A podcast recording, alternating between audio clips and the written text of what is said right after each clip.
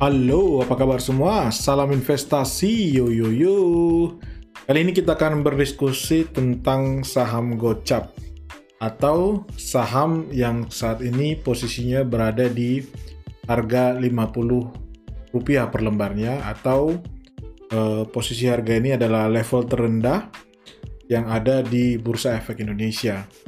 Mungkin sebenarnya harga dari saham itu bisa jadi lebih rendah dari harga 50 rupiah gitu. Tapi karena memang aturan di Bursa Efek Indonesia bahwa harga terendah uh, di pasar sekunder di pasar reguler itu adalah 50 rupiah, maka otomatis dia akan berhenti di level harga ini. Nah, pertanyaan sekarang kan apalagi nih untuk para investor pemula para investor yang baru masuk ke Bursa Efek Indonesia, hal ini tentu mengkhawatirkan. Saya berharap uh, semoga teman-teman saya yang mungkin uh, ikut dan baru masuk ke pasar saham Indonesia itu tidak terjebak dalam saham gocap. Karena data yang saya miliki hingga April kemarin 2020 ini, jumlah saham gocap itu di Bursa Efek Indonesia bahkan sudah mencapai 86 saham. Anda bayangkan dari 680 eh, lebih perusahaan yang ada di Bursa Efek Indonesia, 86-nya itu berada di posisi saham gocap, artinya lebih dari 10% gitu.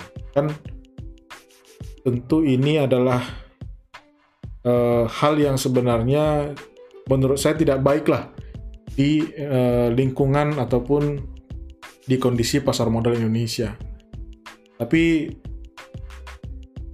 saya sangat berharap bahwa ke depannya akan uh, perhatian dari para pemangku otoritas atau uh, para pemangku wewenang baik dari Bursa Efek Indonesia, terutama dari otoritas jasa keuangan, uh, bisa lebih cermat lagi untuk melihat uh, setidaknya memberikan warning lah gitu ya. Mana perusahaan-perusahaan yang kira-kira sudah punya potensi untuk jatuh ke harga gocap sehingga uh, para investor juga bisa setidaknya memperoleh warning dan itu bisa menjaga terjadinya kerugian yang sangat dalam.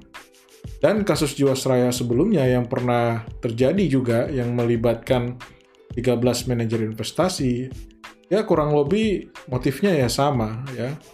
Bahwa akhirnya reksadana itu terjun bebas karena kebanyakan saham yang dibeli adalah saham yang tergolong dalam saham gocap bahkan ada saham yang sudah disuspend yang sudah tidak bisa lagi diperjualbelikan di Bursa Efek Indonesia. Artinya kan telat ya, sudah sudah sempat gocap dulu baru uh, disadari bahwa itu merugikan banyak orang gitu. Dan sekarang pun kalau kita lihat banyak saham-saham gocap ya masih tetap boleh diperjualbelikan. Nah ini kan harus dipikirkan seperti apa ke depannya gitu. Dan yang paling sedih lagi, ini e, menurut saya harus tetap kita buka gitu. Jadi di 2019 itu ada saham yang baru IPO, yang baru melakukan penawaran perdana, tapi ternyata di 2020 sudah langsung saham gocap gitu. Berarti kan orang-orang ataupun uh, perusahaan ini masuk ke dalam bursa efek Indonesia ya hanya bisa dibilang setelah mereka memperoleh dana dana segar dari masyarakat setelah itu bagaimana pertanggungjawabannya terhadap uh, investornya gitu ya artinya sebenarnya sebelum mereka masuk itu secara uh, fundamental, secara kinerja itu bagaimana sih proses seleksinya gitu. Uh, kita paham ada ada target-target yang uh, mau dicapai gitu. Ada ada keinginan supaya IHSG supaya bursa kita semakin besar, maka diharapkan banyak perusahaan yang bisa melantai ke bursa efek Indonesia. Itu adalah tujuan yang baik. Tapi di satu sisi juga bagaimanapun otoritas harus bisa uh, membantu untuk setidaknya menyeleksi lah ya rugi di saham itu sesuatu hal yang wajar dan itu banyak uh, apa istilahnya ya eh, pengaruh atau banyak hal-hal yang mendasari gitu. Tapi setidaknya kalau ada perusahaan yang dirasa sebenarnya dalam jangka pendek ataupun dalam jangka menengah pada akhirnya akan berakhir di saham gocap, mungkin warning-warning atau peringatan-peringatan itu sudah bisa diberikan atau dilihat dari awal gitu. Nah, dengan posisi seperti ini, saya juga seorang investor retail, ya, investor individu gitu ya. Uh, memposisikan diri, lalu bagaimana dengan teman-teman saya yang baru masuk ke pasar saham? Saya banyak memberikan uh, sharing-sharing, mengajak uh, pendengar saya di podcast ini, pembaca saya di uh, website maupun di media supaya ayo mari-mari mari kita bareng-bareng berinvestasi di pasar modal Indonesia gitu.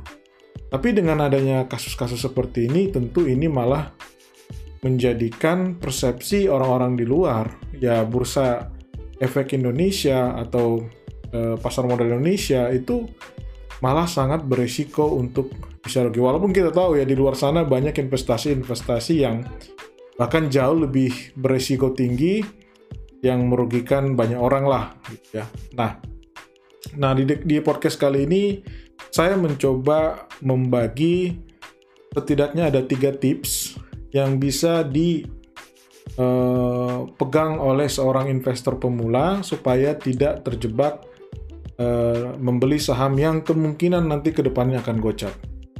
Uh, kalau misalkan saham itu sudah gocap dan Anda masih beli juga, ya saya pikir itu sudah jelas-jelas uh, menurut saya sih sudah sudah benar-benar uh, menempatkan diri pada resiko ya itu sudah uh, sudah salah di awal gitu. Tapi kalau misalkan Anda membeli saham tapi Anda tidak tahu apakah ke depannya dia berpotensi besar untuk gocap, untuk turun ke harga 50, itu bagaimana sih cara untuk menyeleksinya? Nah, tips yang pertama yang biasa saya lakukan adalah, yang biasa saya gunakan adalah, saya menghindari membeli perusahaan dengan market cap atau kapitalisasi pasar di bawah 10 triliun. Jadi uh, kalau di pasar saham itu kan ada yang istilahnya blue chip gitu ya, second liner, third liner gitu. Nah di third liner yang saham-saham yang market capnya cuma 1 triliun, 5 triliun, 7 triliun itu biasanya saya hindari. Saya baru mau membeli saham kalau market capnya di atas 10 triliun. Market cap itu rumusnya adalah jumlah saham beredar dikali harga saham tersebut gitu. Jadi itu hasilnya. Atau kalau misalkan Anda mau tahu, Anda bisa masuk ke Yahoo Finance, Anda bisa masuk ke aplikasi online trading, Anda bisa masuk ke Bloomberg, uh, bisa masuk ke uh, Reuters, itu bisa nanti ada uh, indikator di situ yang menyebutkan berapa market cap atau kapitalisasi pasar dari perusahaan tersebut. Itu jadi itu satu yang saya pegang. Karena apa? Perusahaan-perusahaan kecil memang menjanjikan growth yang uh, jangka growth yang besar di jangka panjang, tapi di satu sisi juga karena kompetisi tidak mudah juga untuk pemain-pemain baru masuk ke sektor-sektor tertentu gitu untuk mereka bisa berkembang. Jadi pilihannya adalah bisa sangat uh, cepat berkembang, tapi di satu sisi juga bisa dengan mudah uh, dikalahkan oleh kompetitornya yang sudah besar, yang sudah menguasai lah di atau sebagai market leader. Itu yang pertama. Jadi market cap uh, harus lebih besar dari 10 triliun. Nah, yang kedua, nah ini sudah masuk ke uh, variabel di kinerja perusahaan. Jadi memang uh, tidak bisa kita menghindari untuk tidak terjebak di saham gocap kalau kita tidak tahu perusahaan itu untung atau rugi. Jadi saya selalu hanya mau membeli perusahaan yang mencetak untung dan itu terjadi di tiga tahun terakhir. Jadi kalau misalkan ada perusahaan sudah jelas-jelas di laporan keuangan saya cek bahwa perusahaan itu rugi bersih, saya tidak akan pernah lagi mau beli saham perusahaan itu. Ya, atau mungkin dalam rentang tiga tahun terakhir perusahaan itu ada satu tahun merugi, itu pun saya belum mau membeli. Tapi kalau dia sudah tiga tahun untung, ya, dan sebisa mungkin untungnya bertumbuh, nah saya mau, mau baru melihat itu sebagai salah satu kriteria, kriteria yang saya lihat untuk mencegah supaya saya tidak terjebak di saham gocap. Nah, yang terakhir adalah yang ketiga adalah saya melihat profit margin dan return on equity dari perusahaan tersebut. Apa itu net profit margin? Simpelnya rumusnya adalah laba bersih perusahaan dibagi dengan revenue atau pendapatan perusahaan.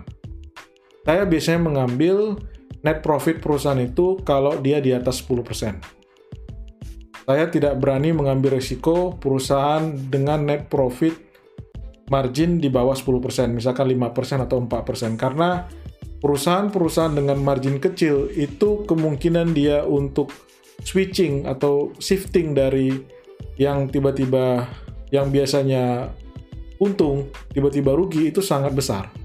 Karena apa? Karena marginnya kecil, tiba-tiba contohnya ada kenaikan di bahan baku, otomatis itu bisa membalikan situasi perusahaan itu langsung operational cost-nya sangat tinggi, COGS-nya sangat tinggi sehingga di akhirnya merugi.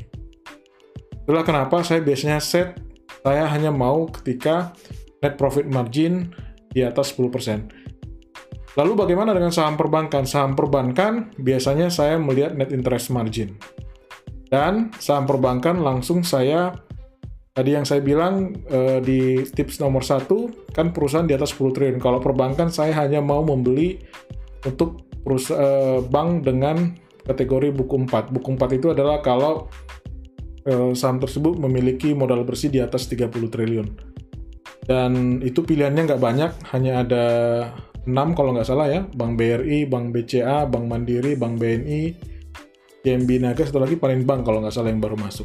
Itu yang modal bersihnya di atas 30 triliun. Nah, ini masih tips yang ketiga ya, yang terakhir ya. Selain net profit margin di atas 10%, saya melihat return on equity, ROE dari perusahaan tersebut sebisa mungkin itu di atas 15%. Karena perusahaan-perusahaan dengan return on equity tinggi itu artinya perusahaan itu tergolong yang efisien.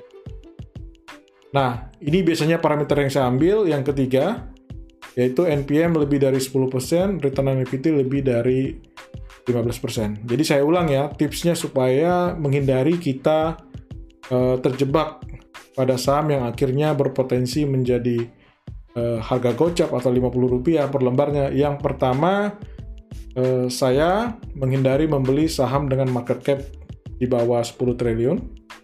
Kalau untuk diperbankan, di atas 30 triliun modal bersihnya jadi uh, bank bank uh, buku 4 kemudian yang kedua perusahaan itu menguntungkan dan untung itu bertumbuh dalam setidaknya dalam tiga tahun terakhir itu lebih bagus lagi. Tapi kalau misalkan ada satu tahun saja yang merugi saya tidak mau beli.